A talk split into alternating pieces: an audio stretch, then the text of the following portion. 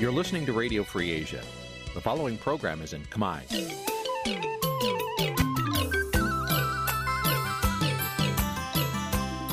Nǐ chi càm bi tiệp xáy vệt chiu a zì sê ray នេះជាកម្មវិធីផ្សាយរបស់ Vithu Azisari ជាភាសាខ្មែរ វត្តឈូអាស៊ីសេរីសូមស្វាគមន៍លោកអ្នកនាងទាំងអស់ពីរដ្ឋធានី Washington នៃសហរដ្ឋអាមេរិកបានខ្ញុំបាទយ៉ងច័ន្ទដារា សូមជម្រាបសួរលោកអ្នកនាងអ្នកស្ដាប់វិទ្យុអាស៊ីសេរីទាំងអស់ជាទីមេត្រី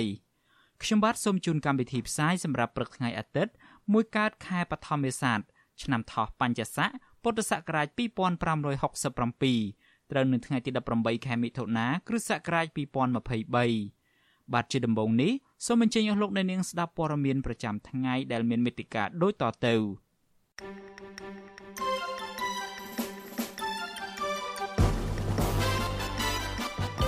ក្រមគ្រូបង្រៀនស្នើក្រសួងអប់រំផ្ដល់ក្របខ័ណ្ឌឲ្យមន្ត្រីគណៈបកភ្លើងទៀនវិញពលករខ្មែរម្នាក់ធ្វើការនៅប្រទេសថៃខិតខំរកប្រាក់ឲ្យកូនទៅរៀនខណៈប្តីកំពុងជាប់ពន្ធនាគារក្រុមកម្មករត្អូញត្អែពីបញ្ហាចំណូលតិចស្ទើរមិនគ្រប់ការចំណាយប្រចាំខែការតស៊ូក្តីអំណត់និងទឹកចិត្តស្រឡាញ់របស់ម្ដាយ ជំរុញឲ្យស្ត្រីពិការវឌ្ឍចន្ទាក្លាយជាម្ចាស់មេដាយមាសរួមនឹងព័ត៌មានសំខាន់សំខាន់មួយចំនួនទៀត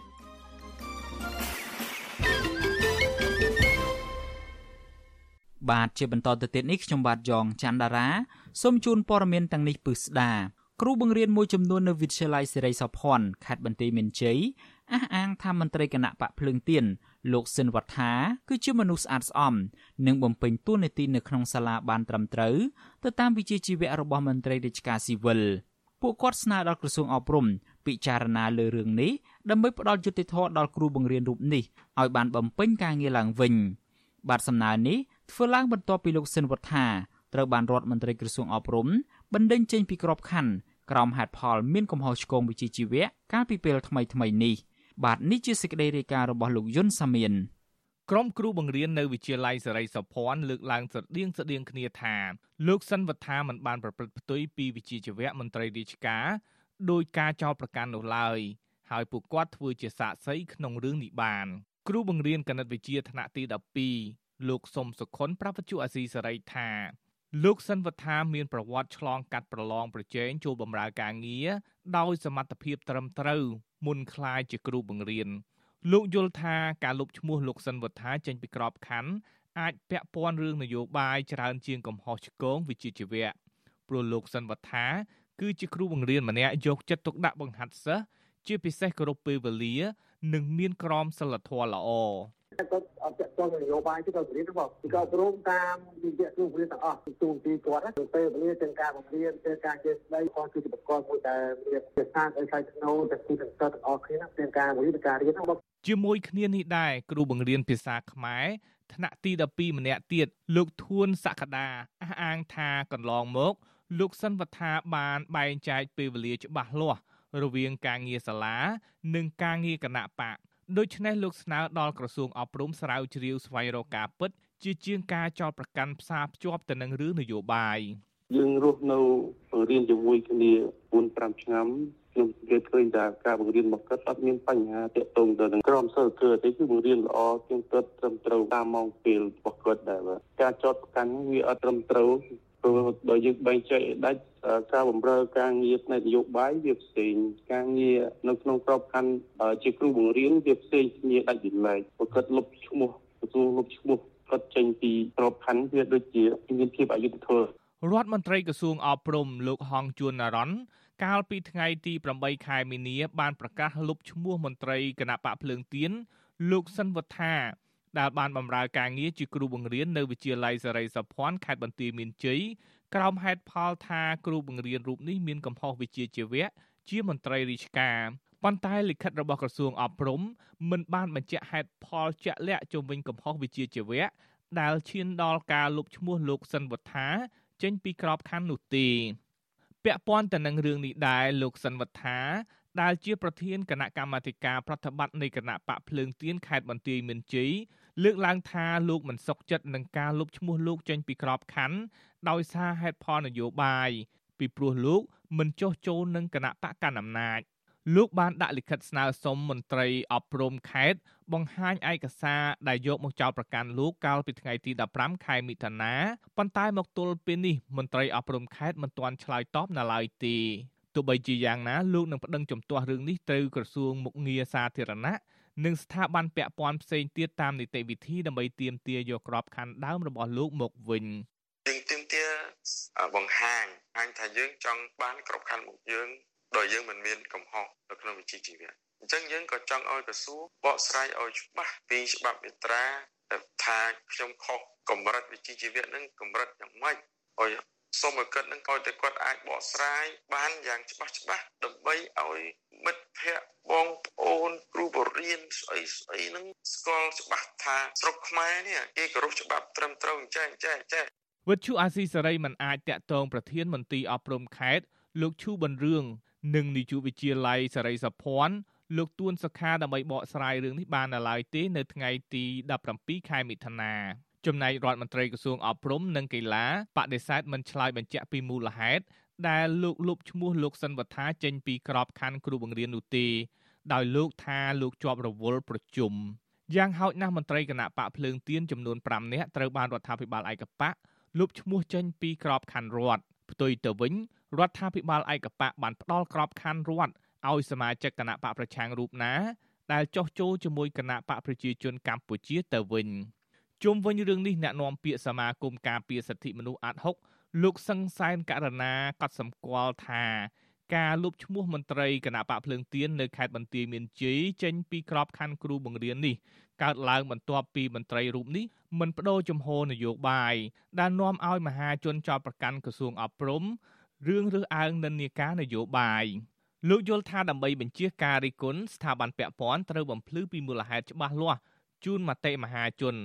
ហើយបើលោកសិនវត្ថាមិនមានកំហុសទេ ក្រសួងត្រូវផ្ដល់ក្របខ័ណ្ឌមកវិញដើម្បីឲ្យលោកអាចបន្តអាជីពជួយអភិវឌ្ឍវិស័យអប់រំនិងផ្ដល់ប្រយោជន៍ដល់សង្គមជាតិតទៅទៀតក្នុងសង្គមជាធិបតេយ្យมันអាចថាដោយគ្រាន់តែហេតុផលនៃការនយោបាយណាយើងទៅបញ្ចប់តំណែងបញ្ចប់តួនាទីនោះទេអញ្ចឹងក្នុងកិច្ចការនេះវាធ្វើឲ្យមានភាពអយុត្តិធម៌សម្រាប់អ្នកដែលគាត់ចង់ធ្វើកិច្ចការងារនយោបាយដែលមាននិន្នាការ លោកសិនវត្ថាបានរៀនចប់ថ្នាក់បរិញ្ញាបត្រធនាគារនិងអរញ្ញវត្ថុនៅវិទ្យាស្ថានជាតិអប់រំលោកបានចូលរួមបម្រើការងារជាគ្រូបង្រៀនអស់រយៈពេល16ឆ្នាំ គឺគិតចាប់តាំងពីឆ្នាំ2007ទន្ទឹមនេះលោកជាគ្រូបង្រៀនមុខវិជ្ជាជីវៈសិលធម៌និងពលរដ្ឋវិជ្ជានៅវិទ្យាល័យសេរីសុភ័ណ្ឌខេត្តបន្ទាយមានជ័យក្រៅពីការងារមន្ត្រីរាជការលោកបានចូលរួមសកម្មភាពនយោបាយជាមួយគណៈបកសង្គ្រោះជាតិ នៅមុនពេលតឡាការកម្ពុជារំលាយគណៈបកនេះកាលពីឆ្នាំ2017បច្ចុប្បន្នលោកសិនវត្ថាឈរឈ្មោះជាតំណាងរាស្ត្រលេខរៀងទី3នៃគណៈបកភ្លើងទៀនក្នុងបញ្ជីបោះឆ្នោតខ្ញុំយុនសាមៀនវិទ្យុអាស៊ីសេរីប្រធានាធិបតី Washington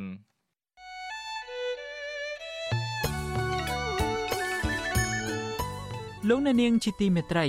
វិទ្យុអាស៊ីសេរី ចាប់ផ្ដើមដំណើរការផ្សាយផ្ទាល់កម្មវិធីព័ត៌មានទាំងពេលព្រឹកនិងពេលយប់ជាផ្លូវការនៅលើបណ្ដាញសង្គមថ្មីមួយទៀតគឺបណ្ដាញសង្គម Telegram ចាប់ពីខែមេសាឆ្នាំ2023នេះតទៅ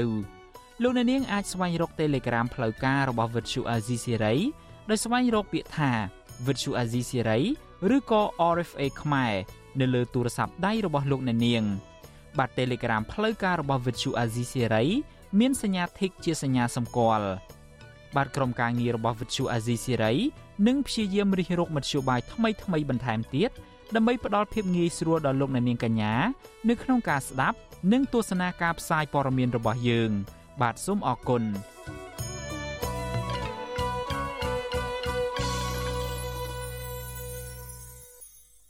បលូននាងជាទីមេត្រីយើងងាកមកចាប់អារម្មណ៍ពាក់ព័ន្ធទៅនឹងបញ្ហាសិទ្ធិស្ត្រីឯនេះវិញ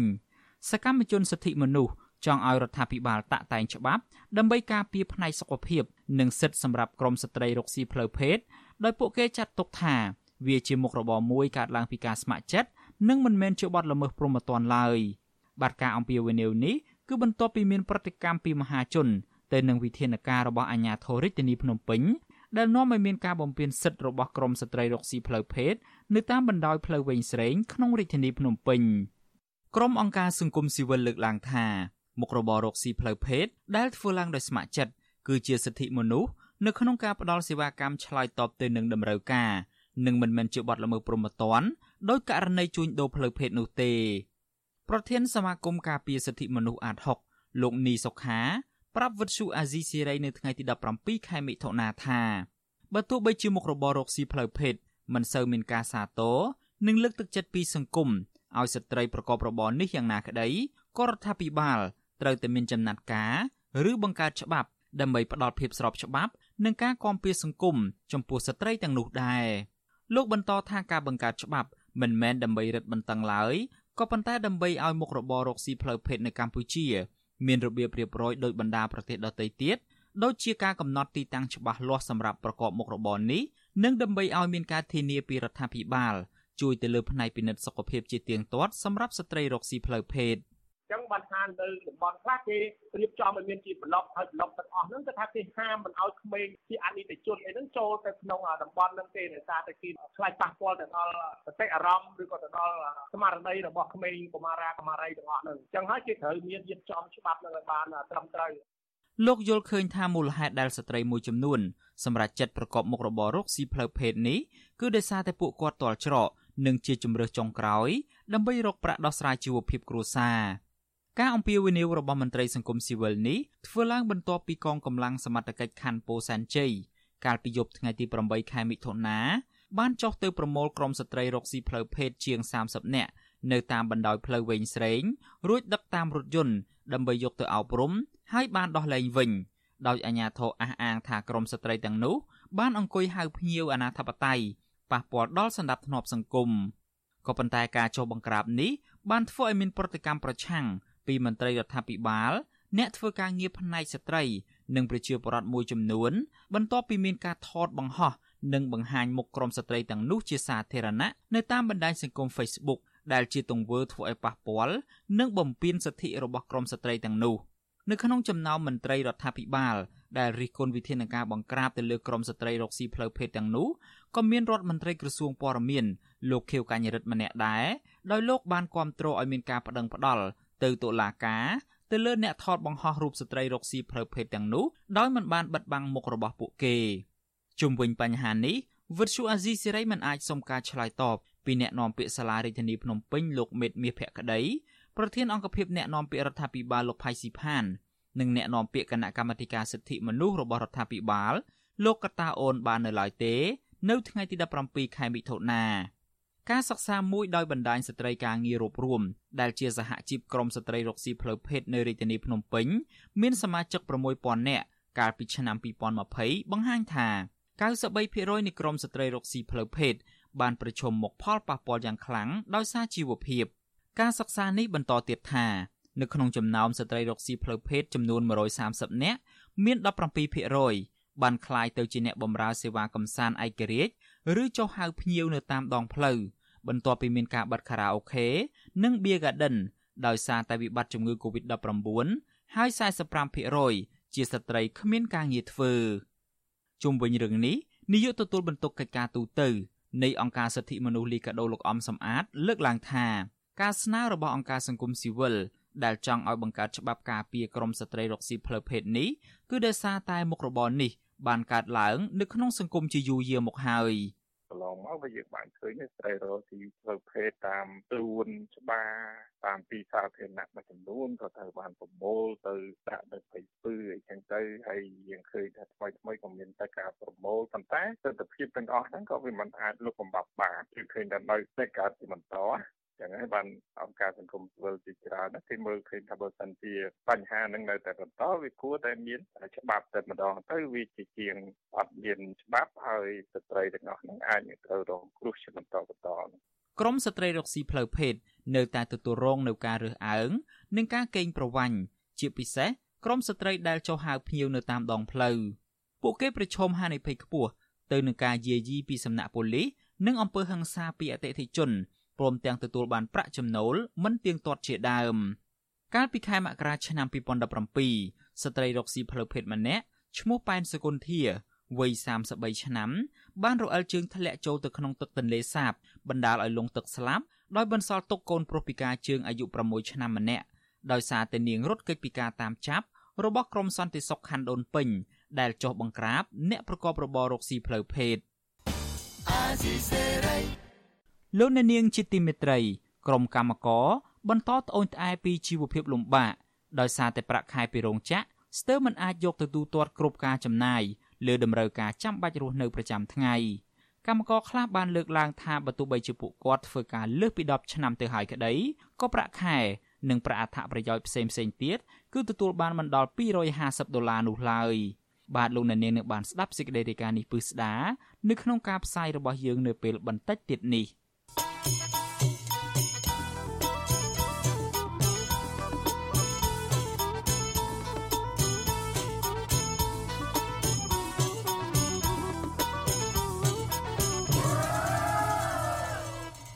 លោកអ្នកនាងកំពុងស្ដាប់ការផ្សាយរបស់ Vuthu Azizi Serai ពីរដ្ឋធានី Washington នៃសហរដ្ឋអាមេរិកនៅឯប្រទេសថៃឯណោះវិញស្ត្រីពលករខ្មែរមួយរូប កំពុងធ្វើកម្មករនៅក្នុងចំការកៅស៊ូនៅប្រទេសថៃធ្វើការលក់កម្លាំងស៊ីឈ្នួលរកប្រាក់ឲ្យកូនស្រី2នាក់បានបន្តការសិក្សានៅប្រទេសថៃបើទោះបីជាប្តីរបស់គាត់កំពុងជាប់ពន្ធនាគារនៅក្នុងប្រទេសកម្ពុជា ទាំងអយុធធរអស់រយៈពេលជាង1ឆ្នាំមកហើយក្តីតើស្ត្រីពលករខ្មែរតស៊ូជំនះឧបសគ្គអ្វីខ្លះនៅក្នុងប្រទេសថៃបាទលោកអ្នកនាងនឹងបានស្ដាប់សេចក្តីរាយការណ៍នេះពឹស្ដានៅក្នុងកម្មវិធីផ្សាយរបស់ Vuthu Azizi Serai នៅយប់នេះ ដែលនឹងចាប់ផ្ដើមពីម៉ោង7កន្លះដល់ម៉ោង8កន្លះម៉ោងនៅកម្ពុជា បាទសូមអរគុណ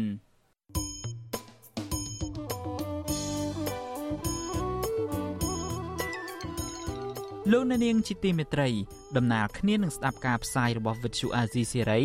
នៅតាមបណ្ដាញសង្គម Facebook YouTube និង Telegram លោកអ្នកនាងក៏អាចស្ដាប់ការផ្សាយរបស់យើង តាមវិទ្យុរលកធាតុអាកាសខ្លីបានដែរគឺតាមកម្រិតនិងកម្ពស់ដូចតទៅនេះ ពេលព្រឹកចាប់ពីម៉ោង5កន្លះដល់ម៉ោង6កន្លះតាមរយៈប៉ុស SW 12.14 MHz ស្មើនឹងកម្ពស់ 25m និងប៉ុស SW 13.71 MHz ស្មើនឹងកម្ពស់ 22m ពេលយប់ចាប់ពីម៉ោង7កន្លះដល់ម៉ោង8កន្លះតាមរយៈប៉ុស SW 9.33 MHz ស្មើនឹងកម្ពស់ 32m ប៉ុស SW 11.88 MHz ស្មើនឹងកម្ពស់ 25m និងប៉ុស SW 12.14 MHz ស្មើនឹងកម្ពស់ 25m បាទសូមអរគុណ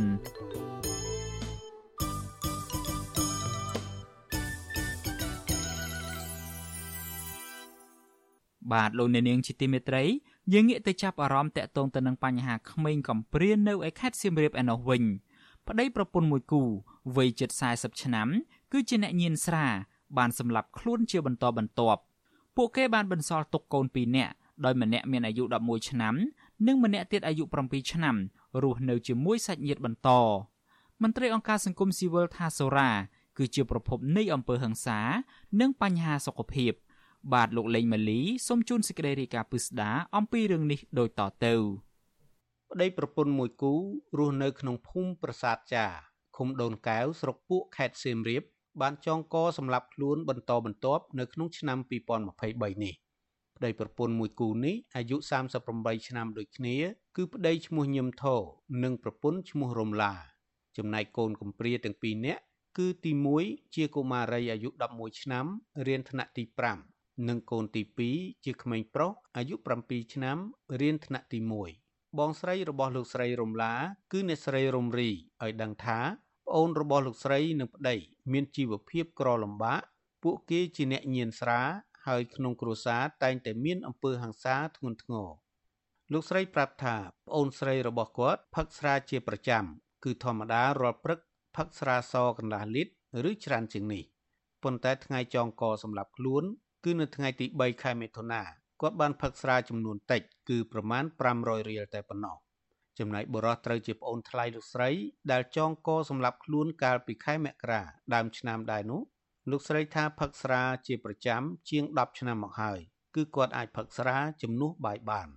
ប្តីគាត់ផឹកដែរប្តីគាត់និយាយរួមគឺផឹកជាប្រចាំការបណ្ដោយប្តីគាត់ណាផឹកនិយាយទៅផឹកអាចនិយាយថាផឹកបានជំនួសបាយអត់បាច់ញ៉ាំបាយទេលោកស្រីរំរីថ្លែងថា រូបគាត់បារម្ភអំពីក្មួយទាំងពីរនៅក្មេងខ្ចីកំពុងរស់នៅជាមួយជីដូនវ័យប្រមាណ80ឆ្នាំលោកស្រីបន្តថាលោកស្រីនិងអ្នកភូមិផ្សេងទៀតនៅផ្ទះក្បែរនោះ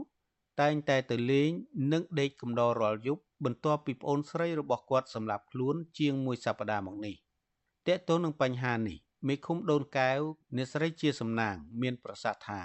ប្តីប្រពន្ធទាំងពីរនាក់នេះពិតជាស្លាប់ដោយសារចងកសម្លាប់ខ្លួនមែន អ្នកស្រីបន្តថា គ្រួសារនេះមានបានក្រីក្រដែលទទួលបានប្រាក់ឧបត្ថម្ភរាល់ខែ ក្នុងមួយខែ20ម៉ឺនរៀលពីរដ្ឋាភិបាលអ្នកស្រីជាសំណាងឲ្យដឹងទៀតថាលុយឧបត្ថម្ភគ្រួសារក្រីក្រនៅតែបន្តផ្ដល់ឲ្យហើយអាជ្ញាធរឃុំក៏បានរៀបចំជាស្បៀងអាហារនិងសម្ភារៈសិក្សាផ្ដល់ដល់កុមារទាំងពីរនាក់នេះបន្ថែមដែរ មានគម្រោងជួយគាត់ជួយជាសម្ភារៈសិក្សាគ្រួសារគាត់មានបានក្រីក្រកម្រិតមួយបានក្រីក្រគាត់នៅជីវភាពគាត់ក្រីក្រគាត់នៅតែជឿហ៊ាននៅតែជឿតែដែរបងទាំងអាញាធរនិងសាច់ញាតិសុទ្ធតែបានសន្និដ្ឋានថាប្តីប្រពន្ធទាំងពីរនាក់ធ្វើអត្តឃាតដោយសារតែបញ្ហាផ្លូវចិត្តបណ្ដាលមកពីគ្រឿងស្រវឹង កុមារទាំងពីរនាក់មានសម្បុរខ្មៅក្នុងស្ថានភាពខ្សោះមិនសូវមានកម្លាំងដូចមិនសូវយល់អំពីអារម្មណ៍សោកសៅខ្លាំងនៃការបាត់បង់ឪពុកម្ដាយនេះនៅឡើយទេ ដោយពេលខ្លះអ្នកភូមិសាកសួរឬអ្នកសារព័ត៌មានសាកសួរពួកគេមិនសូវចេះនិយាយច្រើនក៏ញញឹមឬសើចធម្មតា ការមិនទាន់ទទួលអារម្មណ៍សោកសៅនេះអាចដោយសារពួកគេមិនយល់អំពីដំណើរជីវិតទៅថ្ងៃខាងមុខហើយម្យ៉ាងទៀតពួកគាត់នៅមានញាតិមិត្តជិតខាង ទៅសួរនាំនិងដេកកំដររាល់យប់ផង ក្រៅពីអាជ្ញាធរមូលដ្ឋានក៏មានសប្បុរសជនជាលក្ខណៈបុគ្គលនិងអង្គការសមាគមបានតាក់ទងជួយឧបត្ថម្ភជាបន្តបន្ទាប់ដែរប្រធានមូលនិធិដើម្បីសង្គមលោកម៉ៅឆនដែលបានផ្សព្វផ្សាយគៀកោឲ្យមហាជនជួយផ្គត់ផ្គង់កុមារកំព្រាទាំងពីរនាក់នេះឲ្យដឹងថា ក្រៅពីជួយជាស្បៀងអាហារ ក្រុមលោកក៏កំពុងសិក្សាអំពីលទ្ធភាពជួយជាប្រចាំលើការសិក្សា និងការរស់នៅរបស់ក្មេងទាំងពីរនាក់នេះដែរលោកម៉ៅឆនឲ្យដឹងថាលោកបានធ្វើកិច្ចការសប្បុរសធម៌គ្រប់រាជធានីខេត្តសង្កេតឃើញថាកុមារដែលរងគ្រោះប្រហាក់ប្រហែលកុមារទាំងពីរនាក់នេះនៅស្រុកពួកខេត្តសៀមរាបនេះមានច្រើនដែលបណ្ដាលមកពីឪពុកម្ដាយញៀនស្រា និងប្រើប្រាស់គ្រឿងញៀន វាច្រើនច្រើនមែនទែនករណីហ្នឹងគឺឪពុកម្ដាយញៀនស្រាហ្នឹងគឺច្រើនណាស់ហើយបើតាមស្រាមិនសំខាន់ទេគ្រឿងញៀនធ្វើឲ្យមកដល់ឆ្លោះប្រកែកគ្នាធ្វើឲ្យកូនកូនហ្នឹងបាត់បង់ការសិក្សាឱកាសការសិក្សាគឺគ្មានទេបាទមែនតើគឺជីវភាពគិតតែខ្សត់ខ្សោយទៅខ្សោយទៅជុំវិញរឿងនេះប្រធានមជ្ឈមណ្ឌលប្រជាពលរដ្ឋដើម្បីអភិវឌ្ឍនិងសន្តិភាពលោកយងកំឯងសម្ដែងការសោកស្ដាយ ដែលស្ថាប័នពាក់ព័ន្ធនិងផ្នត់គំនិតនៅក្នុងសង្គមហាក់មិនបានគិតថាគ្រឿងស្រវឹងជាប្រភពនៃបញ្ហា ដែលប៉ះពាល់ទាំងសុខភាពហិង្សារួមទាំងគ្រោះថ្នាក់ចរាចរណ៍លោកបន្តថាគ្រឿងស្រវឹងជាបញ្ហាធំមួយក្នុងការរារាំងដល់ការអភិវឌ្ឍធនធានមនុស្សនិងសង្គមជាតិគាត់តែយើងមើលឃើញតែជាបញ្ហាជាបញ្ហាហើយយើងនៅតែរារែកនៅក្នុងការដោះស្រាយបញ្ហាគ្រឿងស្រវឹងជាលាក់ម៉ត់ចត់ ហើយប្រកបដោយការបដិចារចិត្តខាងនយោបាយខ្ពស់គឺបញ្ហាគ្រឿងស្រវឹងនេះនៅតែជាឧបសគ្គសម្រាប់ការអភិវឌ្ឍមនុស្សសម្រាប់ជីវភាពរស់នៅទាក់ទងនឹងបញ្ហានេះដែរអធិការរងនគរបាលស្រុកពោះលោកគង់សីហា ដែលបានទៅពិនិត្យសាកសពលោកស្រីរំឡាហើយក៏ជាអ្នកផ្សព្វផ្សាយគៀកោរកមូលនិធិជួយកុមារទាំងពីររូបដែរនោះថ្លែងថា នៅក្នុងស្រុកពួកនេះ កាលពីប្រមាណ10ឆ្នាំមុន មានអ្នកញៀនស្រា ឬហៅថាអ្នកស្រវឹងខួប មានចំនួនច្រើនប៉ុន្តែលោកថារហូតដល់ពេលបច្ចុប្បន្នអ្នកទាំងនោះបានស្លាប់អស់ដែលក្នុងនោះក៏មានយុវជនវ័យជាង20ឆ្នាំដែររបាយការណ៍សិក្សាមួយរបស់វិទ្យាស្ថានជាតិគ្រប់គ្រងគ្រឿងស្រវឹងនិងអ្នកញៀនគ្រឿងស្រវឹងនៅសហរដ្ឋអាមេរិកចេញផ្សាយនៅឆ្នាំ2022បង្ហាញថា ការទទួលទានគ្រឿងស្រវឹងលើកម្រិត ក្រៅពីប៉ះពាល់សុខភាពទូទៅក៏ប៉ះពាល់ខ្លាំងដល់ខួរក្បាលដែលធ្វើឲ្យការគិតយឺតមានភាពស្មុគស្មាញនិងមានគំនិតអវិជ្ជមានជាដើមខ្ញុំបាទលេងម៉ាលី With you Assisary Washington បាទលោកអ្នកនាងជាទីមេត្រី នៅឯខេត្តបាត់ដំបងឯណោះវិញប្រជាពលរដ្ឋនៅក្នុងស្រុកបាវែលបារម្ភថាក្នុងរដូវប្រាំងនៅឆ្នាំនេះមិនមានទឹកគ្រប់គ្រាន់សម្រាប់ស្រោចស្រពដំណាំរបស់ពួកគាត់នោះទេដែលអាចបណ្ដាលឲ្យប៉ះពាល់ដល់ជីវភាពរស់នៅប្រចាំថ្ងៃរបស់ពួកគាត់ មន្ត្រីអង្គការសង្គមស៊ីវិលលើកឡើងថាអាជ្ញាធរមូលដ្ឋាន គួរតែធ្វើរបាយការណ៍អំពីពលរដ្ឋខ្វះទឹក និងស្នើសុំទៅកាន់មន្ទីរធនធានទឹកខេត្តដើម្បីរកដំណោះស្រាយរឿងនេះបាទសំលោកនៅនាងស្ដាប់សេចក្តីរាយការណ៍មួយទៀតរបស់លោកសេកបណ្ឌិតអំពីរឿងនេះដូចតទៅក្តីបារម្ភរបស់ប្រជាពលរដ្ឋនៅក្នុងស្រុកបាវិលនេះគឺដោយសារតែនៅក្នុងរដូវប្រាំងនេះមិនសូវមានភ្លៀងធ្លាក់គ្រប់គ្រាន់ហើយប្រព័ន្ធធារាសាស្ត្រនៅក្នុងតំបន់បែរជារីងស្ងួតទឹក ស្ទឹងបាវិលឬស្ទឹងមង្គលបុរី នៅរយៈពេលចុងក្រោយនេះរីងទឹកជាបណ្ដាបណ្ដាផ្នែកខ្លះនៃស្ទឹងនេះនៅសល់ទឹកបន្តិចបន្តួច ហើយផ្នែកខ្លះទៀតបានរីងទឹកដែលមនុស្សអាចដើរនិងជិះម៉ូតូឆ្លងកាត់បានពលរដ្ឋថាស្ទឹងនេះ តាំងពីដើមឡើយមកមិនដាល់រីងទឹកនោះទេ ជាហេតុធ្វើឲ្យពួកគាត់មានក្តីកង្វល់ដោយសារមិនមានទឹកសម្រាប់បូមបញ្ចូលស្រែពួកគាត់ថាការគ្មានទឹកបូមបញ្ចូលស្រែនេះធ្វើឲ្យស្រូវរបស់ពួកគេចាប់ផ្ដើមងាប់ជាបណ្ដាបណ្ដា ពួកគាត់ហាងថាបញ្ហានេះនឹងធ្វើឲ្យប៉ះពាល់ខ្លាំងដល់សេដ្ឋកិច្ចគ្រួសារជាពិសេសគឺគ្មានលទ្ធភាពសងបំណុលធនាគារប្រជាកសិករដាំស្រូវម្នាក់នៅក្នុងឃុំសឿលោកឈុតចាន់លីប្រាប់បទសុអសីសេរីនៅថ្ងៃទី17មិថុនាថាលោកបានធ្វើស្រែជិត7ហិកតាប៉ុន្តែស្រូវទាំងនេះបានងាប់អស់ទៅហើយលោកថាមិនដែលទទួលបានសេចក្តីជូនដំណឹងណាមួយពីអាជ្ញាធរមូលដ្ឋានអំពីការខ្វះខាតទឹកស្រោចស្រពដាំដំណាំនោះទេ លោកស្នើទៅដល់មន្ទីរធនធានទឹកខេត្តបាត់ដំបងឲ្យបើកទ្វារទឹកដើម្បីអាចឲ្យពលរដ្ឋមានទឹកស្រោចស្រពដំណាំបាទធ្វើដែរចាំមើលទឹកអត់មានទឹកតោះបាទងឹបងឹបទាំងអស់ទូទូទៅនេះមកមកវិលបាទទាំងអស់តែគ្នានេះស្រដៀងគ្នានេះដែរកសិករម្នាក់ទៀតគឺលោកស្រីម៉ៅមីបានឲ្យវិទ្យុអស៊ីសេរីដឹងថាគាត់ធ្វើស្រែចំនួន5ហិកតានៅក្នុងឃុំសឿលោកស្រីបន្តថា ចាប់តាំងពីចាប់ផ្ដើមព្រោះស្រូវពីខែឧសភាមក គឺមិនដែលមានទឹកបូមដាក់ស្រែនោះទេអូខ្ញុំធ្វើតែធ្វើស្រែឡំសន្តានាណៃកំពុងអត់ទឹកមួយឯងស្រូវស្រូវប្រាំងព្រោះតាំងតែពីខែ5ថ្ងៃទី1ខែ5ហើយឥឡូវអត់មានទឹកអីមិនតិចទេវិទ្យុអាស៊ីសេរីនៅពុំតាន់អាចតាក់ទងប្រធានមន្ត្រីធនធានទឹកនិងអូតូនិយមខេត្តបាត់ដំបងលោកឡុងផលគុណបានឡើយទេនៅថ្ងៃទី17មិថុនា ដើម្បីសូមឲ្យបញ្ជាក់អំពីបញ្ហានេះទោះយ៉ាងណាអ្នកសម្របសម្រួលអង្គការលីកាដូប្រចាំនៅខេត្តបាត់ដំបងលោកអិនគង់ចិត្តមានប្រសាសន៍ថា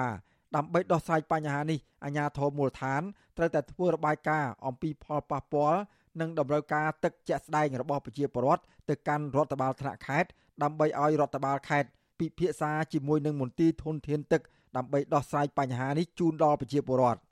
លោកបន្ថែមថាជុំវិញអាងស្តុកទឹកចាស់ចាស់ អាជ្ញាធរពាក់ព័ន្ធគួរតែស្ដារឡើងវិញឬជីកឲ្យជ្រៅបន្ថែមទៀតដើម្បីអាចស្តុកទឹកទុកកាន់តែច្រើន សម្រាប់ប្រើប្រាស់ពេលមានគ្រោះរាំងស្ងួតវិធីសាស្ត្រវិធីម្យ៉ាងមានខាងក្រសួង មន្ត្រីធនធានទឹកខេត្តបាត់ដំបងគួរតែគាត់ចុះទៅពិនិត្យមើលអាកន្លែងទំនប់ទប់ស្ទឹងនៅអូដុនពៅហ្នឹងត្រូវបង្វែរទឹកបង្វែរទឹកហ្នឹងមុខទឹកហ្នឹងឲ្យហូរចូលស្ទឹងបវលសិនកុំឲ្យបែកមកអូដុនពៅចូលខាងកពីពួយកុំឲ្យបែកមកហ្នឹងគឺឲ្យផ្ដល់ទៅខាងក្រោមសិនតាមស្ទឹងក្តល់តាហែនតាមបវលហ្នឹងដើម្បីចែកចាយតាមប្រឡាយមេហ្នឹងបញ្ជូនទៅតាមភូមិឃុំមួយចំនួនដែលគាត់កសិករត្រូវការទឹកដើម្បីស្រោចស្រពត្រូវប្រាំងគាត់ឬក៏ស្រោចស្រពបន្ទោះគាត់ដែលគាត់ព្រោះកាលពីក្រោយចូលឆ្នាំនេះដែលដុះហើយហ្នឹងបាទខេត្តបាត់ដំបងមានទំនប់ទឹកធំធំ ដូចជាទំនប់អាងស្តុកទឹកកំពីងពួយ ទំនប់ពហុបំណងសេកសកទំនប់កហត ទំនប់បាសាក់ទំនប់ស្ទឹងបាវែលនិងទំនប់សាឡាតាអនទោះបីជាខេត្តនេះមានទំនប់ទឹកនិងអាងស្តុកទឹកជាច្រើនក្តី ក៏ពលរដ្ឋនៅក្នុងខេត្តនេះនៅតែប្រឈមនឹងការខ្វះខាតទឹកប្រើប្រាស់សម្រាប់ស្រោចស្រពដំណាំ ឬរងការលិចលង់នៅរដូវវស្សា ដែលបណ្ដាលឲ្យពួកគាត់ខាតបង់ប្រាក់ចំណូល និងជំពាក់បំណុលធនាគារជុំទិសការខាតបង់ក្នុងការប្រកបមុខរបរកសិកម្មនេះបណ្ដាលឲ្យប្រជាពលរដ្ឋទាំងនោះធ្លាក់ខ្លួនទៅក្នុងជីវភាពក្រីក្រខណៈពលរដ្ឋមួយចំនួនបោះបង់ចោលការធ្វើស្រែចម្ការ ហើយបង្ខំចិត្តធ្វើចំណាក់ស្រុកទៅស៊ីឈ្នួលគេនៅក្រៅប្រទេស ខ្ញុំបាទសេកបណ្ឌិតវុទ្ធុអាស៊ីសេរីពីរដ្ឋធានីវ៉ាស៊ីនតោន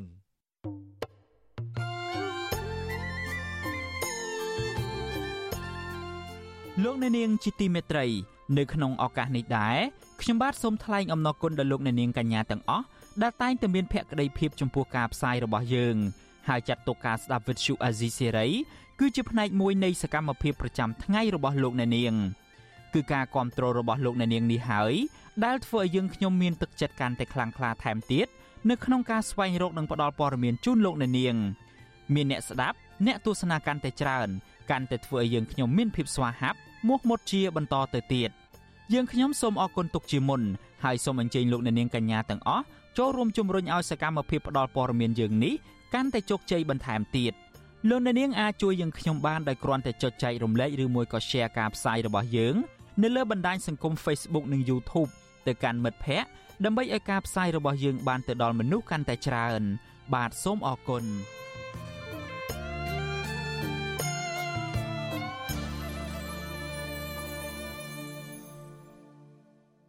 លោកអ្នកនាងជាទីមេត្រីក្រុមកម្មករបន្តត្អូញត្អែពីជីវភាពលំបាកដោយសារតែប្រាក់ខែពីរោងចក្រស្ទើរមិនអាចយកទៅទូទាត់គ្រប់ការចំណាយលើតម្រូវការចាំបាច់រស់នៅប្រចាំថ្ងៃ កម្មករខ្លះបានលើកឡើងថាបើទោះបីជាពួកគាត់ធ្វើការលើសពី10ឆ្នាំទៅហើយក្តីក៏ប្រាក់ខែនិងប្រាក់អត្ថប្រយោជន៍ផ្សេងផ្សេងទៀតគឺទទួលបានមិនដល់250ដុល្លារនោះឡើយបាទសូមលោកអ្នកនាងស្ដាប់សេចក្តីរាយការណ៍នេះរបស់លោកជាតិចំណានដូចតទៅកម្មការនីដែលជាស្ត្រីមេម៉ាយនិងមានបន្ទុកត្រូវចិញ្ចឹមកូនដែលប្រឈមនឹងជីវភាពលំបាកខ្លាំងដោយសារតែត្រូវពឹងផ្អែកលើប្រាក់ខែពីរោងចក្រទាំងស្រុងសម្រាប់ចំណាយលើថ្លៃហូបចុកប្រចាំថ្ងៃថ្លៃផ្ទះជួលនិងថ្លៃឲ្យកូនទៅសាលារៀនជាដើម ខណៈនៅតាមរោងចក្រមួយចំនួនកំពុងព្យួរការងារនិងបញ្ឈប់កម្មករដោយសារតែការធ្លាក់ចុះការបញ្ជាទិញពីទីផ្សារប្រទេសលោកខាងលិចលោកស្រីសេនសុភីបអាយុ40ឆ្នាំជាកម្មការនីរោងចក្រកាត់ដេរសម្លៀកបំពាក់សិនតៃស្ថិតនៅក្នុងខណ្ឌទួលគោករាជធានីភ្នំពេញនិងជាស្ត្រីមេម៉ាយដែលបានតស៊ូចិញ្ចឹមកូនប្រុសស្រីចំនួន2នាក់តែឯងចាប់តាំងពីលែងលះប្តីនៅឆ្នាំ2015លោកស្រីប្រាប់វិសុវអាស៊ីសេរីនៅថ្ងៃទី15ខែមិថុនាថាលោកស្រីចាប់ផ្ដើមធ្វើការនៅរោងចក្រតាំងពីឆ្នាំ2012 និងបានយកកូនទាំងពីរពីស្រុកកំណើតនៅខេត្តតាកែវមករស់នៅជាមួយខ្លួនដើម្បីឲ្យបានទៅរៀនសូត្រនៅរាជធានីភ្នំពេញចាប់តាំងពីលោកស្រីបែកបាក់ប្តីនៅក្នុងឆ្នាំ2015មកទោះជាយ៉ាងណាក៏ដោយលោកស្រីបន្តថាអ្វីត្បិតតែលោកស្រីមានបទពិសោធន៍ជាកម្មការនីរោងចក្រអស់រយៈពេល11ឆ្នាំក្តីប៉ុន្តែបច្ចុប្បន្នលោកស្រីទទួលបានប្រាក់ខែបូករួមទាំងប្រាក់ថ្លៃបាយនិងថ្លៃធ្វើដំណើរត្រឹមតែ236ដុល្លារប៉ុណ្ណោះក្នុងមួយខែលោកស្រីថ្លែងទាំងអួរដាំកោថានៅពេលដែលរកចំណូលប្រចាំខែបានតិចពេក ហើយការចំណាយប្រចាំថ្ងៃកាន់តែខ្ពស់និងសម្រាប់ទិញថ្នាំពេទ្យសម្រាប់ជំងឺទឹកនោមផ្អែមធ្វើឲ្យលោកស្រីមិនអាចផ្គត់ផ្គង់ឲ្យកូនរៀនសូត្របានចប់ចុងចប់ដើមឡើយ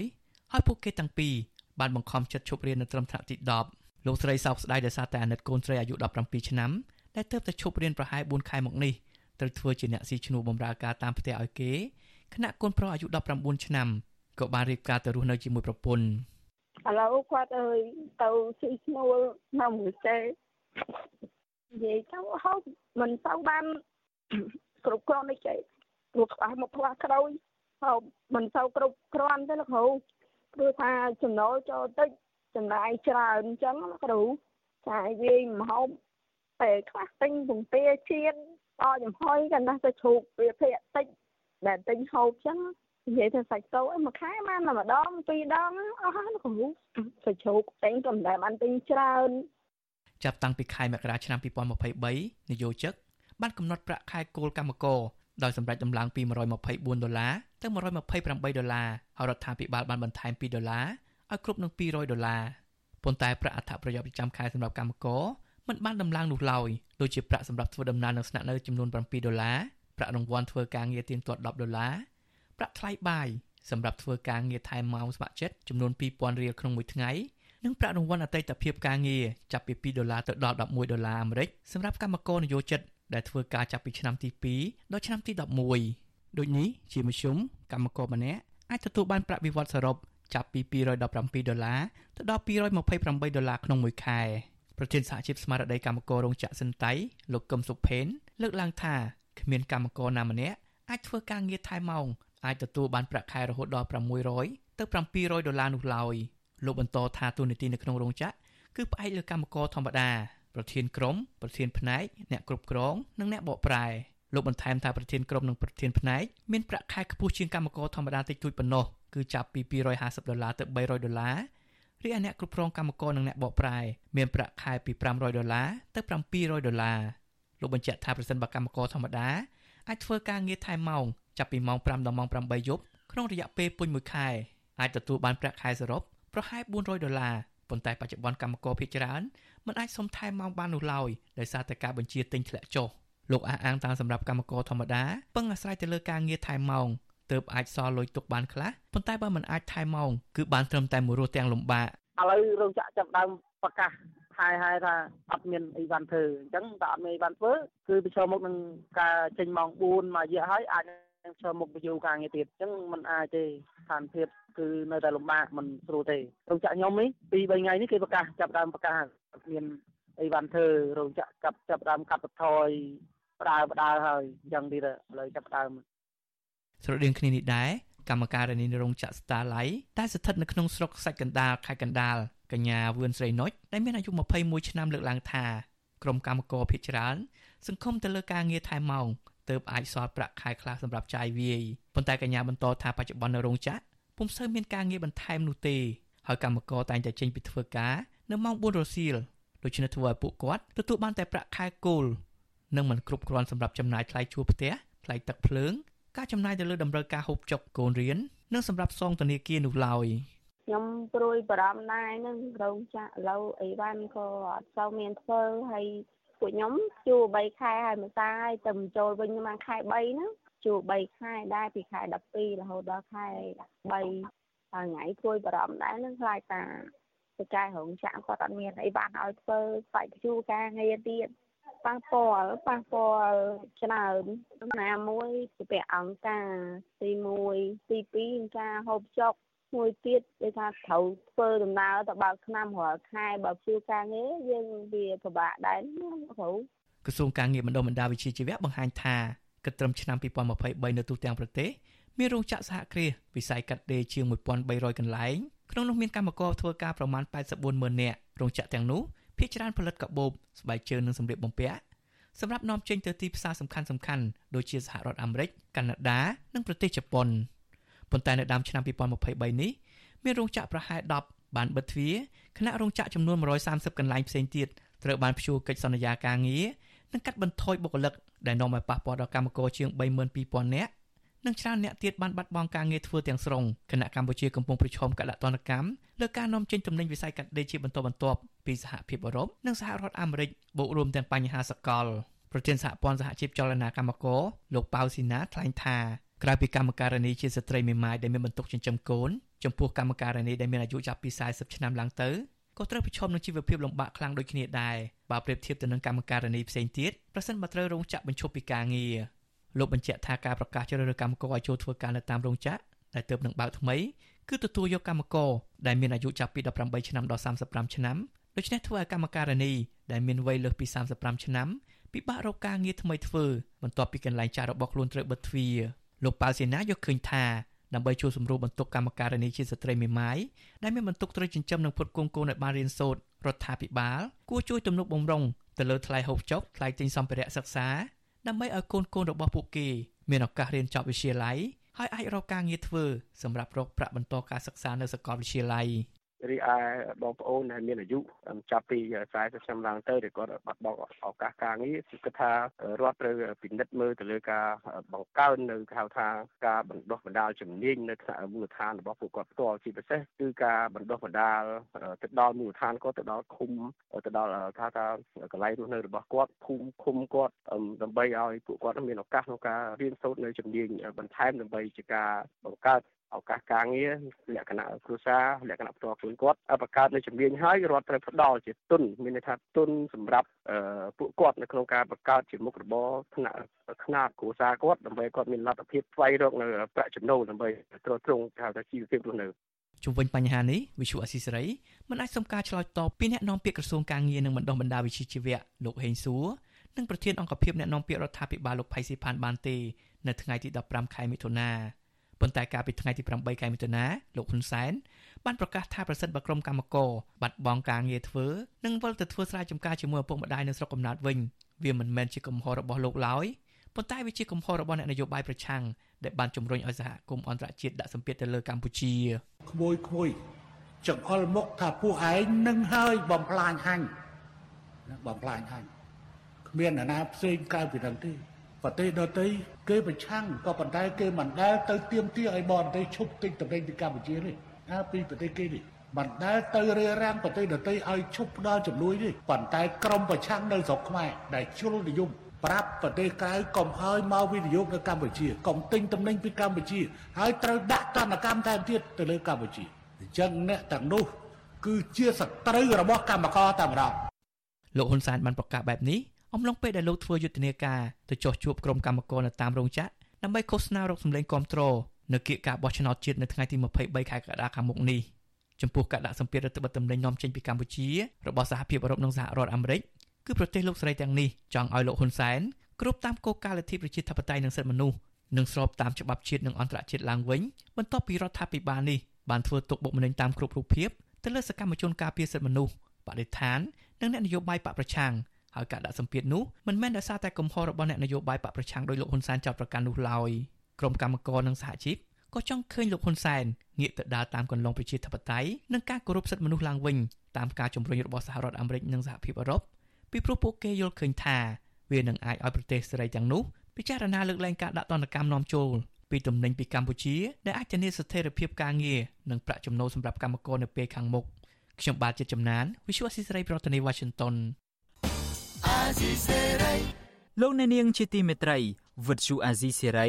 នឹងចេញផ្សាយ podcast កម្ពុជាសប្តាហ៍នេះនៅរៀងរាល់ព្រឹកថ្ងៃសៅរ៍ម៉ោងនៅកម្ពុជា នៃសប្តាហ៍នីមួយៗបាទកម្មវិធី podcast នេះរៀបចំដោយនាយកនិងនាយករងនៃកម្មវិធីផ្សាយ Vithu Azizi Serai ជាភាសាខ្មែរគឺលោកសំពូលីនិងលោកជុនច័ន្ទបតសូមប្រិយមិត្តស្វែងរក និងស្ដាប់ podcast របស់យើង នៅលើកម្មវិធី podcast របស់ Apple, Google និង Spotify ដោយគ្រាន់តែសរសេរពាក្យថាកម្ពុជាសប្តាហ៍នេះឬ Cambodia This Week នៅក្នុងប្រអប់ស្វែងរក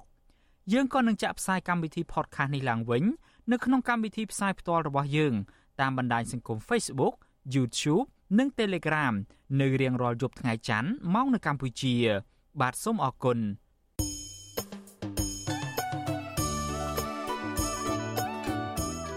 លោកអ្នកនាងជាទីមេត្រី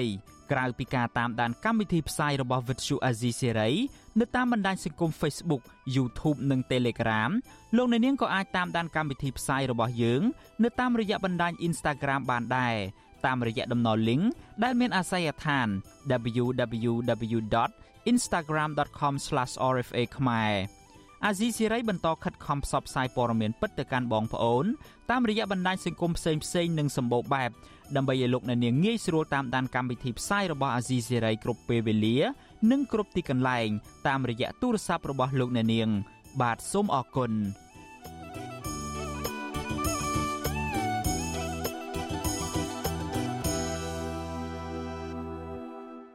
លោកអ្នកនាងកំពុងស្ដាប់ការផ្សាយរបស់វិទ្យុអាស៊ីសេរីពីរដ្ឋធានី Washington នៃសហរដ្ឋអាមេរិកពាក់ព័ន្ធទៅនឹងការតស៊ូរបស់កីឡាករនីជនពិការឯនេះវិញកីឡាករនីវត្តចន្ទថា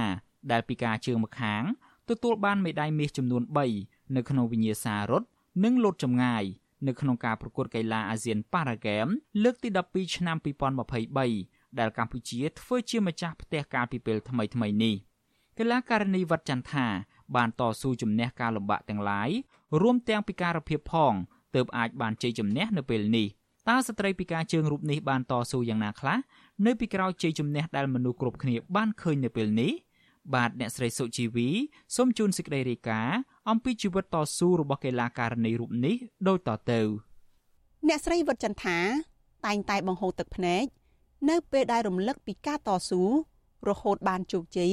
ជាម្ចាស់មេដាយមាសនៅពេលនេះ ដោយសារតែជីវិតរបស់កីឡាករនីរូបនេះបានឆ្លងកាត់ការលំបាកជាច្រើនរាប់មិនអស់ស្ត្រីពិការជើងម្ខាងវ័យ40ឆ្នាំរូបនេះទន្ទិញដដែលដដែលថា ទឹកចិត្តស្រឡាញ់ម្ដាយនិងចង់ជួយសម្រាលបន្ទុកម្ដាយជាស្ត្រីមេម៉ាយជាហេតុផលចម្បងដែលជំរុញឲ្យអ្នកស្រីខិតខំប្រឹងប្រែងជំនះឧបសគ្គទាំងឡាយអ្វីដែលឲ្យបងឈ្មោះទៅមុខគឺម្ដាយរបស់បងឃើញពីភាពលំបាករបស់គាត់ធ្វើអញ្ចឹងទៅទៅបង គិតថាមានគំនិតគិតថាតើអ្វីទៅធ្វើឲ្យខ្ញុំជួយម្ដាយខ្ញុំបាន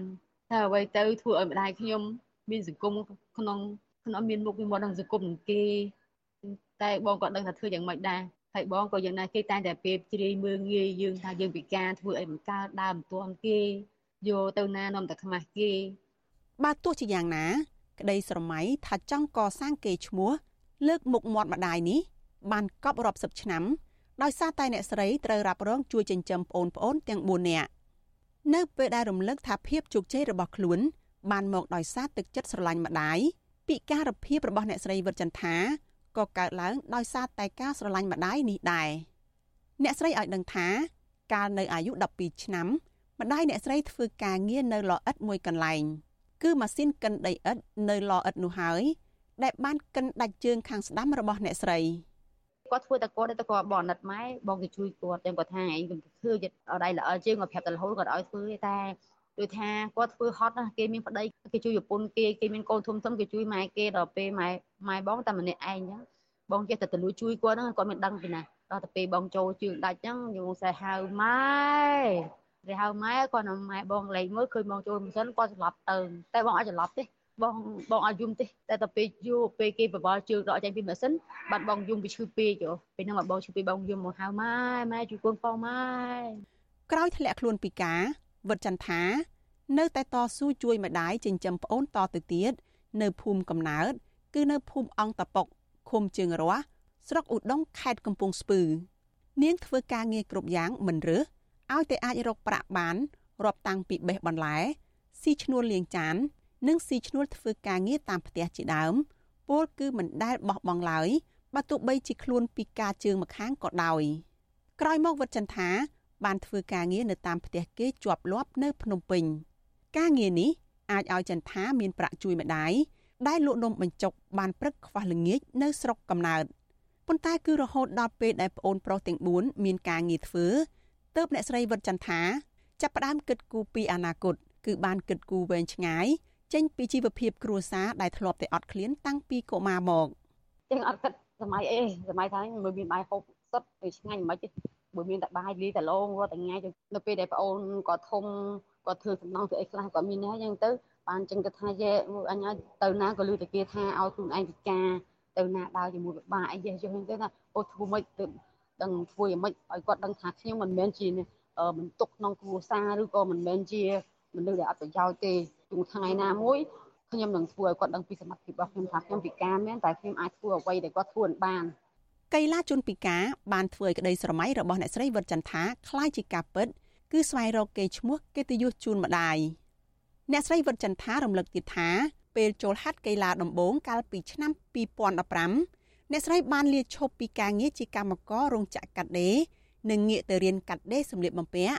និងលាងចាននៅកន្លែងលក់បាយ ដើម្បីមានពេលវឹកហាត់រាប់ចាប់តាំងពីចូលប្រកួតនៅក្នុងព្រឹត្តិការណ៍កីឡាធំធំរហូតមកដល់ពេលបច្ចុប្បន្ននេះអ្នកស្រីវិតចន្ទថាឈ្នះការប្រកួតជាច្រើននិងបានមេដាយមាសចំនួន5ហើយក្នុងនោះមេដាយមាស3ទទួលបាននៅក្នុងការប្រកួត នៅពេលដែលកម្ពុជាធ្វើជាម្ចាស់ផ្ទះរៀបចំព្រឹត្តិការណ៍អាស៊ានប៉ារ៉ាហ្គេមលើកទី12កាលពីថ្ងៃទី3ដល់ថ្ងៃទី9ខែមិថុនា វិញ្ញាសាចំនួន3ដែលអ្នកស្រីវិតចន្ទថាបានជ័យជំនះនោះរួមមានលោតចម្ងាយ T64 រត់ចម្ងាយ400ម៉ែត្រនិងរត់ចម្ងាយ200ម៉ែត្រកាលពីឆ្នាំ2022អ្នកស្រីទទួលបានមេដាយមាស2លើវិញ្ញាសារត់និងលោតចម្ងាយ នៅក្នុងការប្រកួតកីឡាអាស៊ានប៉ារ៉ាហ្គេមលើកទី11នៅក្នុងប្រទេសឥណ្ឌូនេស៊ីគ្រូបង្វឹកម្នាក់របស់អ្នកស្រីវិតចន្ទថាលោកផៃសុកឲ្យដឹងថា អ្នកស្រីវិតចន្ទថាមិនដែលធ្វើឲ្យគ្រូបង្វឹកខកចិត្តទេរាប់តាំងពីភាពក្លាហាន តស៊ូអំណត់ ការបដិញ្ញាចិត្តការប្រកួត និងការប្រឹងប្រែងវឹកហាត់ជីវិតគាត់គឺចេះតស៊ូណាគាត់តស៊ូនឹងជីវិតមកព្រោះនិយាយទៅគូដាក់ដំបូងមានប៉ុណ្ណាគឺគាត់ត្រូវអនុវត្តបានហើយទីពីរគឺរក្សានៅការវឹកហាត់គឺការវឹកហាត់របស់គាត់តស៊ូមែនគាត់នឹងមែនថាគូដាក់កម្មវិធីយ៉ាងម៉េចគាត់ធ្វើបានគ្រប់គ្រប់ព្រោះដូច្នេះគ្រូបានប្រាប់គាត់ថាគាត់ឯងអនាគតព្រឺស្វាងហើយ ម្ចាស់មេដាយមាសវិតចន្ទថាផ្ដាំផ្ញើទៅយុវតីចំនួនក្រោយថា ដើម្បីបានជោគជ័យចាំបាច់ត្រូវកំណត់គោលដៅឲ្យបានច្បាស់លាស់ប្រឹងប្រែងតស៊ូដើម្បីខ្លួនឯងនិងមនុស្សជាទីស្រឡាញ់កុំអស់សង្ឃឹមនិងមិនត្រូវបោះបង់ខ្លួនឯងមានចិត្តតស៊ូខ្លាំងឡើងទោះយើងមិនមានមិនបានក៏យើងបានបញ្ចេញពីពីឆន្ទៈដែលយើងខំតស៊ូប្រឹងប្រែងជាគំរូដល់ប្អូនជាគំរូដល់បងប្អូនដែលមានពិការភាពដទៃទៀត ខ្ញុំចង់ឲ្យពួកគាត់រឹងមាំដូចខ្ញុំខ្ញុំអត់ចង់ឲ្យគាត់ទុនជាអាការទុនជានឹងមិនអាចជួយឲ្យយើងបានទេដូចថាមានតែធ្វើឲ្យយើងគាត់ថាំងខ្លួនឯងតូចចិត្តតូចចិត្តដល់ខ្លួនឯងពិការចេះពិការយកវិញទេអាការទុនជានឹងសម្រាប់ខ្ញុំខ្ញុំអត់យកពិការពីដាក់មុខទេខ្ញុំគិតតែខំប្រឹងពេលនេះអ្នកស្រីវិតចន្ទថាបានរៀបការជាមួយ កីឡាករជាជនពិការមួយរូបដែរនិងមានកូនម្នាក់ជាចំណងដៃជាម្ដាយម្នាក់ដែលបានឆ្លងកាត់ជីវិតតស៊ូការលំបាកជាច្រើននេះអ្នកស្រីវិតចន្ទថា មានបំណងប្រាថ្នាមួយទៀតគឺចង់ឲ្យកូនមានចំណេះដឹង និងមានការងារធ្វើអាចចិញ្ចឹមខ្លួនបាន ដោយមិនពិបាកវេទនាដូចជីវិតរបស់អ្នកស្រី នាងខ្ញុំសុជីវីវិទ្យុអាស៊ីសេរីពីរដ្ឋធានី Washington thank you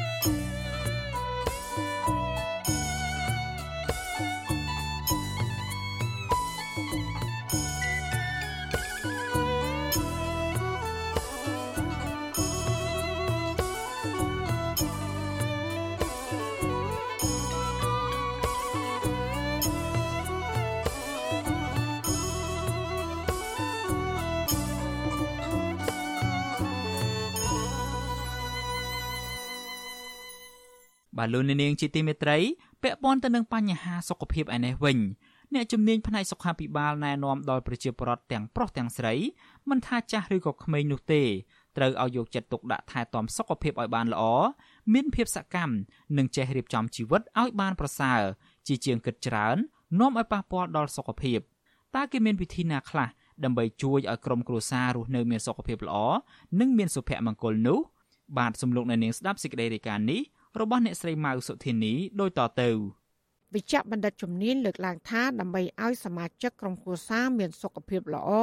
គឺតាមរយៈការទទួលទានអាហារការផ្លាស់ប្ដូររបៀបរបបរស់នៅ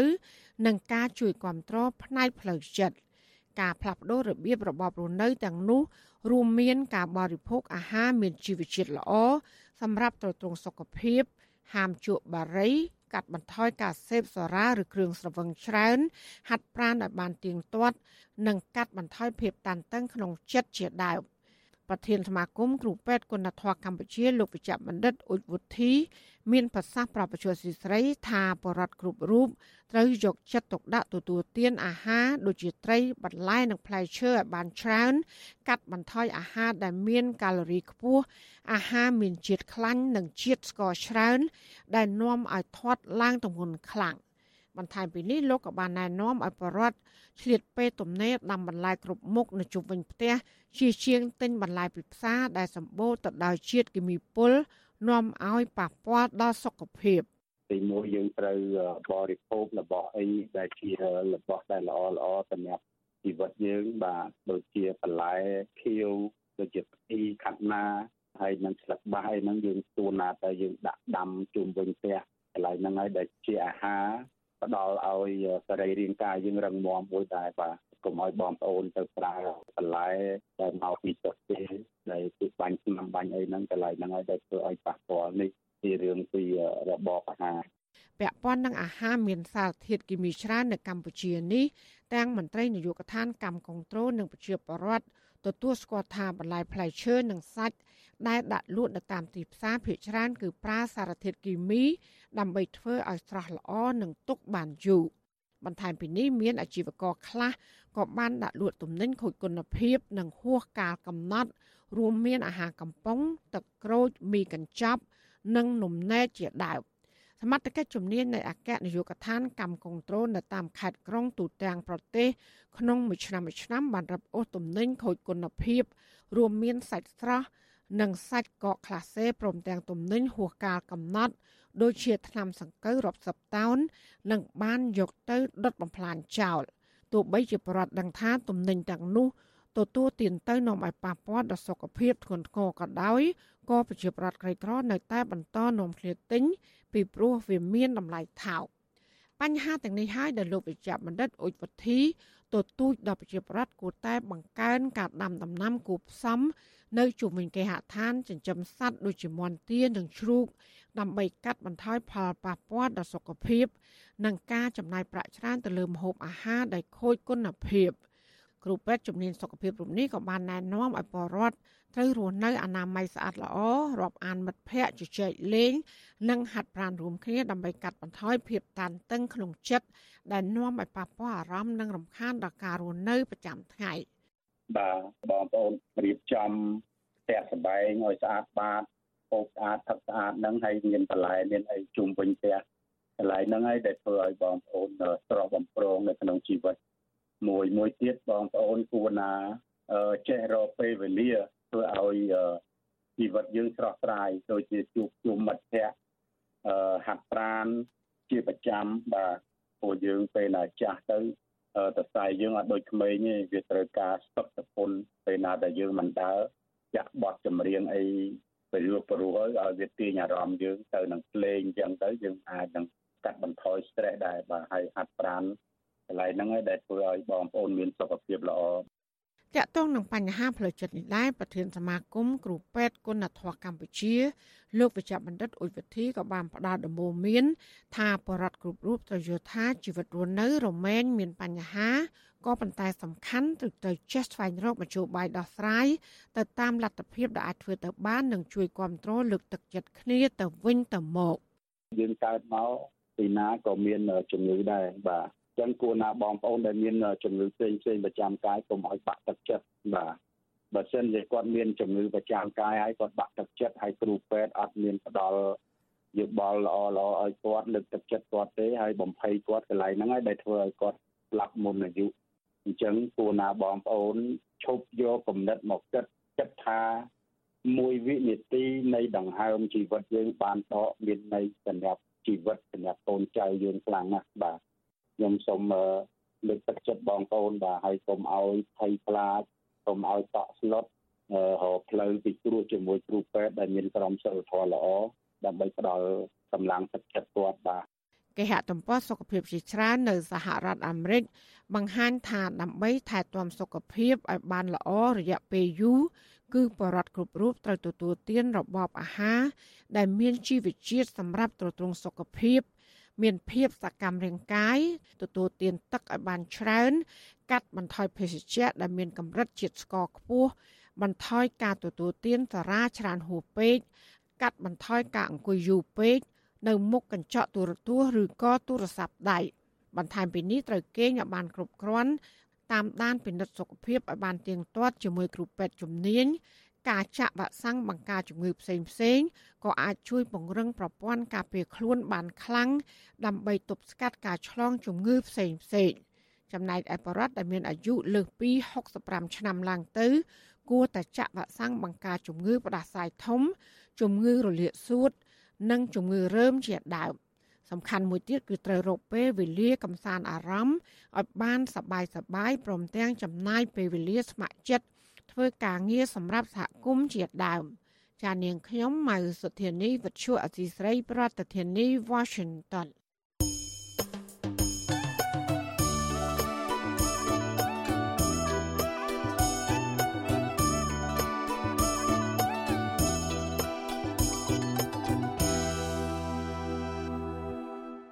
លោកអ្នកនាងជាទីមេត្រី នៅសល់តែ35ថ្ងៃទៀតទេ ការបោះឆ្នោតជាតិនឹងចូលមកដល់ហើយ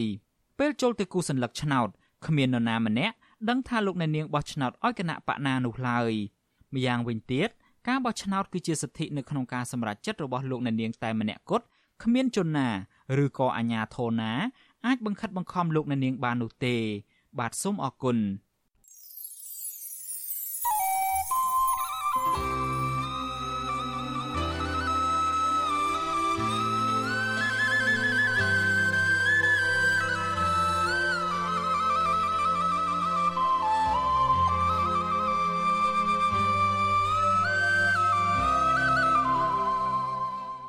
លោកអ្នកនាងជាទីមេត្រីការផ្សាយរយៈពេល1ម៉ោងរបស់វិទ្យុអាស៊ីសេរីនៅព្រឹកនេះចប់ត្រឹមតែប៉ុណ្ណេះយើងខ្ញុំសូមជូនពរដល់លោកអ្នកនាងព្រមទាំងក្រុមគ្រួសារទាំងអស់ឲ្យជួបប្រកបតែនឹងសេចក្តីសុខចម្រើនរុងរឿងកុំបីឃ្លៀងឃ្លាតឡើយខ្ញុំបាទយ៉ងច័ន្ទដារាព្រមទាំងក្រុមការងារទាំងអស់នៃវិទ្យុអាស៊ីសេរីសូមអរគុណនិងសូមជម្រាបលា